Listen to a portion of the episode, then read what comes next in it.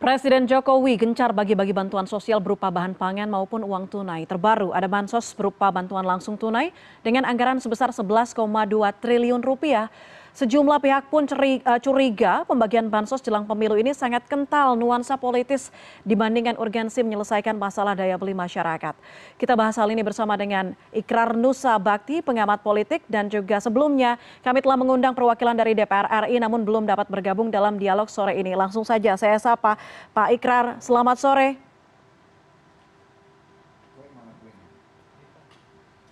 Pak Ikrar, selamat sore.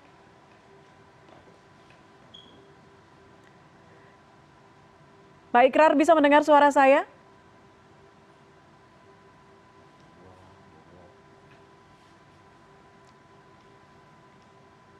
Halo Pak Ikrar, selamat sore.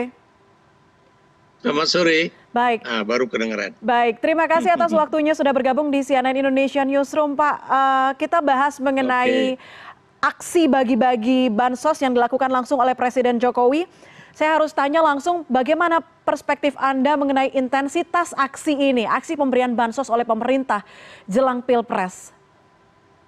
Ya, walaupun itu namanya bantuan sosial atau bantuan langsung tunai ya dari negara kepada masyarakat ya, tapi karena timingnya itu tepat pada saat pemungutan suara ini akan berlangsung ya. Dan karena itu saya bisa mengatakan bahwa ini adalah bagian dari money politics ya. Money politics yang dilakukan oleh presiden dan dua menteri ya. Yaitu menteri koordinator perekonomian dan juga menteri perdagangan ya. Ini apa istilahnya itu untuk bisa mempersuasi dari para pemilih ya, supaya bisa memilih paslon nomor dua ya. Kenapa demikian ya? Karena kita tahu ya baik pak erlangga hartarto maupun zulkifli hasan ketika uh, beliau berdua itu membagi bagi bansos itu langsung mengatakan bahwa ini uh, harus berterima kasih kepada presiden ya. Karena ini bantuannya dari presiden. Makanya nanti kalau milih milih yang kira kira menjadi pelanjut dari presiden yang akan bagi bagi bansos juga ya. Di situ menunjukkan bahwa ada unsur kampanye di dalam kalimat kalimat tersebut ya. Dan kita juga tahu bahwa apa eh, tadi juga presiden misalnya mengatakan bahwa ini beras yang dibagikan bukan beras yang eh, apa namanya itu eh, beras yang tidak bermutu loh. Uh -huh. ini beras dengan benar-benar bermutu yang tertinggi ya jadi jadi jadi yang yang pokoknya uh, yang prime quality lah begitu. Jadi di situ juga menunjukkan betapa uh, ini pemerintah mengatakan bahwa rakyat itu benar-benar dihormati dan karena itu diberikan bantuan uh, beras uh, dengan kualitas yang terbaik begitu. Baik. Dan Anda bisa lihat ya uh, ini juga yang lain-lain misalnya BLT tiga, tiga bulan secara berturut-turut akan dibagikan juga bulan depan ya. Dan itu kan kalau besarannya itu dua ratus ribu rupiah per bulan dikali tiga kan menjadi enam ratus ribu rupiah.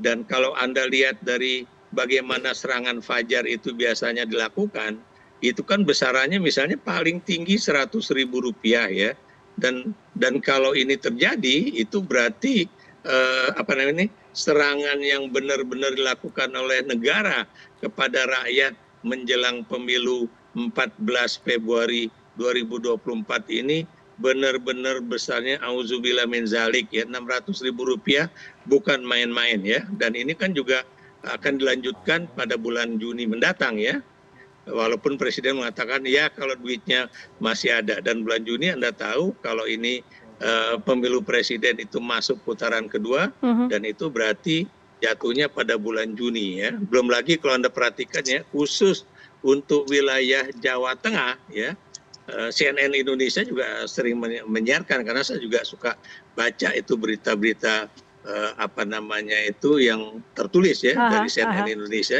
katakan ada BLT Puso juga khusus untuk Jawa Tengah ya dan Baik. itu besarnya juga bukan main ya 8 juta rupiah per hektar ya aha. atau 120 sampai 200 juta rupiah Eh, per eh, kelompok tani itu kan lagi lagi eh, money politics yang menggunakan anggaran negara Oke, begitu. oke. Ada dua fokus yang mungkin dianggap terlihat mencurigakan ya, Prof. Ada ada timing yang uh, nampaknya dipaksakan, kemudian ada narasi yang dikomunikasikan ini seolah-olah datang dari Presiden uh, Jokowi dan harus berterima kasih kepada Presiden Jokowi. Ini terlihat sengaja sebagai Ya. kendaraan politik akhirnya uh, digunakan oleh Jokowi, begitu? Ya. ya, ini bukan bukan kendaraan politik tapi alat kampanye politik ya atau alat kampanye pemilu ya. Kenapa? Kenapa saya katakan demikian? Karena ini jelas ya apa namanya itu lihat nih kayak sekarang nih Pak Erlangga lagi bagi-bagi eh, beras ya Aha. yang yang yang 10 kiloan kalau nggak salah. Dan itu kan eh, Anda bisa bayangkan ya kenapa kemudian ini mesti menteri koordinator perekonomian dan juga menteri perdagangan tapi Mhm. bukan menteri sosial ya. Oke. Kalau kemudian eh, apa juru bicara dari sekretariat negara itu mengatakan ya karena ini kan terkait dengan cadangan beras negara. Nah, Aha. pertanyaan saya memang kalau beras dibagikan dari menteri sosial bukan juga menggunakan beras yang berasal dari Bulog gitu. Jadi jadi ini yang menjadi eh, kecurigaan kita bersama lah begitu. Oke, oke. Analisis Anda uh, terkait dengan dampak program bansos terhadap citra dan juga popularitas uh, presiden serta yang terlibat kemudian seperti apa? Apakah masyarakat menganggap ya senang-senang aja begitu nerima bansos, tapi ada juga sebagian masyarakat yang yang merasa curiga dengan pembagian bansos ini. Tapi seperti apa analisis uh, dampak ini cit- terhadap Ya, citranya? Kalau kalau kita bicara dampak ya, eh, tentunya ya masyarakat yang misalnya tidak peduli atau tidak memahami politik ya akan merasa eh, senang-senang aja dibagi beras ya. Tapi Anda jangan lupa juga ya karena eh, ada juga misalnya gerakan-gerakan dari paslon yang kemudian mengumpulkan warga membagi-bagi eh, gula, kemudian juga beras dan kemudian uang, tapi kemudian juga dengan syarat harus memberikan fotokopi KTP atau kemudian nomor WA supaya bisa dihubungi. Dan ini kan juga menunjukkan betapa apa apa namanya itu eh, mereka akan digunakan untuk menjadi eh, pemilih dari paslon nomor dua ya. Dan anda juga eh, tadi saya sudah katakan ya kalau ada kalimat bahwa ini berasal dari presiden dan kemudian pilihlah yang nanti akan menjadi penerus dari presiden ya itu kan menunjukkan betapa jelas kira-kira paslon mana yang eh, apa ya yang wajib mereka pilih atau yang sepatutnya mereka pilih ya jadi jadi ini yang buat saya lagi-lagi ini adalah penggunaan power ya dalam bentuk persuasif maupun dalam dalam bentuk uh, construction of incentive. Jadi dia diberikan insentif tapi dengan suatu asumsi bahwa tapi nanti harus pilih yang ini ya. Gitu. Aha. Jadi jadi dengan memilih paslon nomor dua ya nanti insentif uh, bansos ini akan terus berkelanjutan. Kalau anda memilih paslon satu atau paslon tiga belum tentu bansos itu akan berlanjut gitu. Jadi jadi ini yang yang buat saya uh, sebuah manipulasi politik ya. Oke, oke. Berbicara soal paslon lawan, eh, apakah kemudian ini bisa dilaporkan, dilaporkan sebagai pelanggaran kampanye, atau mungkin sulit mencari celah eh, pembuktiannya sebagai pelanggaran? Jadi begini, kalau buat saya ini eh, perlu dicatat ya. Walaupun misalnya kalau eh, mereka melaporkannya ke Bawaslu atau ke KPU atau ke apa itu penegak hukum ya, saya sudah berani menyatakan bahwa pasti nggak akan berlanjut ya.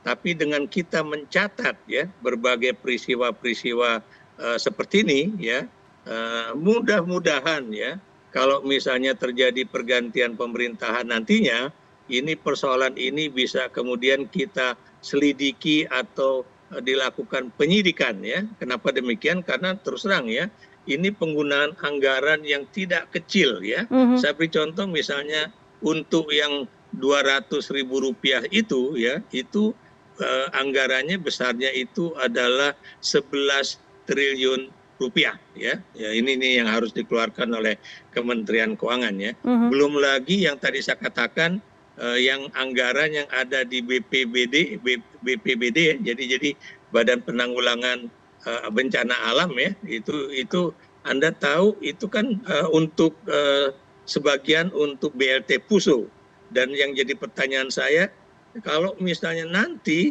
pada 2024 ini benar-benar terjadi bencana alam ya kemudian dari mana uang yang untuk uh, membantu mereka yang menjadi korban bencana alam itu kalau kemudian sebagian dana itu sudah digunakan selama masa kampanye pemilu ini ya okay. termasuk juga karena anda tahu beras ini adalah beras cadangan bulog ya kalau kemudian nanti beras cadangan bulog itu boleh dikatakan berkurang banyak just in case terjadi suatu bencana besar ya. Dari mana kemudian beras beras itu uh, akan tergantikan ya? Karena kita tahu beberapa negara Asia Tenggara ya termasuk Vietnam Thailand ya itu boleh dikatakan juga menjaga stok uh, pangan mereka ya khususnya beras ya untuk tidak diekspor karena mereka juga butuh untuk memenuhi kebutuhan pangan dalam negeri mereka masing-masing begitu. Oke jadi harusnya menjaga stok kebutuhan pangan menunggu atau mengingat nanti mungkin ada gejolak yang lebih besar di, di global begitu yang mungkin akan menerpa Indonesia. Tapi uh, Pak Ikrar tadi juga disampaikan bahwa anggaran ini fantastis begitu yang dikeluarkan uh, bagi-bagi bansos belakangan ini termasuk dengan bantuan langsung tunai. Apakah ini kemudian masuk kategori abuse of power karena juga akhirnya yang maju adalah Kemenko, kemudian Kementerian Keuangan juga ikut ikut uh, terlibat untuk bisa me melenggangkan angka fantastis untuk bisa diberikan kepada masyarakat? Ya, kalau buat saya ini termasuk uh, bagian dari abuse of power ya. Terlepas dari bahwa ini sudah disetujui oleh DPR dan juga bagian dari program negara ya dalam hal ini ditentukan oleh kabinet, tapi Anda tahu ya dalam hal keputusan yang mendesak itu boleh dikatakan para menteri itu hampir hampir tidak memiliki otoritas ya untuk kemudian bisa membantah presiden ya. Kenapa demikian? Karena biar bagaimanapun eh, presiden ini sekarang menjadi uh, pemegang kekuasaan negara yang yang tunggal ya. Karena dia tidak ada. Misalnya para menteri juga nggak nggak berani menyanggah ya. Parlemen juga diam saja uh, apalagi aparat eh, penegak hukum ya. Karena biar bagaimanapun anda tahu ya eh, mereka semuanya itu kan berada di bawah kekuasaan atau otoritas presiden. Ini hmm. yang kemudian menjadi suatu hal yang buat saya berbahaya sekali kalau kemudian presiden itu menjalankan kekuasaannya ya benar-benar tanpa adanya penyeimbang ya.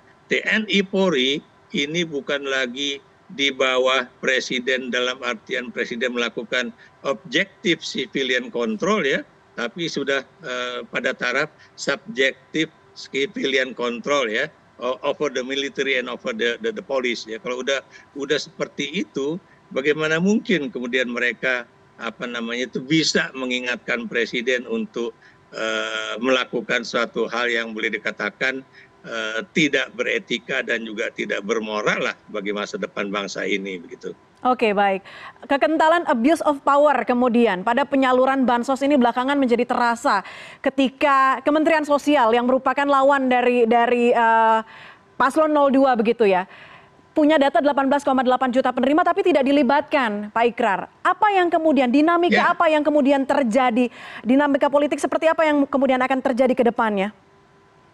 Nah di sini lagi lagi menunjukkan kan betapa bukan cuma terjadi apa istilahnya ya eh, pengambilan keputusan eh, sendiri ya eh, baik itu oleh koordinator menteri koordinator ekonomi maupun menteri perdagangan ya yang yang kita herankan kenapa menteri sosial tidak dilibatkan? Apakah gara-gara ini persoalan bulog itu nggak ada urusannya dengan menteri sosial padahal anda tahu kalau menteri sosial itu butuh untuk memberikan bantuan sosial pasti juga dia akan bicara dengan kepala bulog.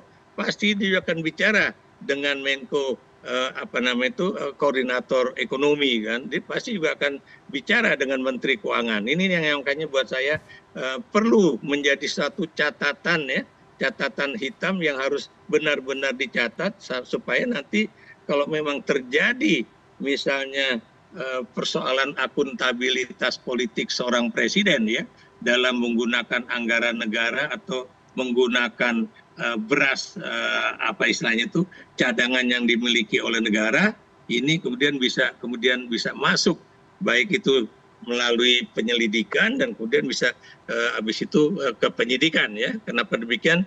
Karena kita penting untuk melakukan ini. Jangan kemudian presiden itu adalah seseorang yang can do no wrong ya. Itu mm -hmm. yang yang tidak bisa disalahkan. Bahwa Baik. presiden itu ada batas-batas kekuasaannya ya. Bisa saja dia mengatakan bahwa ini untuk untuk membantu rakyat ya. Tapi Baik. kenapa kemudian bantuannya itu uh, diguyurkan bertubi-tubi ya dan kemudian juga guyurannya enggak sedikit ya dan melebihi uh, batas ya dan kemudian juga apakah ini juga bukan bagian dari uh, apa itu buying vote ya atau membeli suara dari rakyat untuk apa istilahnya itu sang putra sulungnya ya karena kebetulan putra sulungnya menjadi cawapres ya Baik, baik. Uh, kita harapkan masyarakat akan semakin kritis lagi, uh, akan akan semakin sadar lagi uh, dugaan politisasi bansos yang belakangan dilakukan oleh Presiden Jokowi. Apakah akan mengganggu kesetaraan dan keadilan pemilu kali ini? Pak Ikrar Nusa Bakti, terima kasih sudah bergabung bersama kami, sudah memberikan perspektifnya bersama kami di CNN Indonesia Newsroom. Selamat sore. Terima kasih, selamat sore.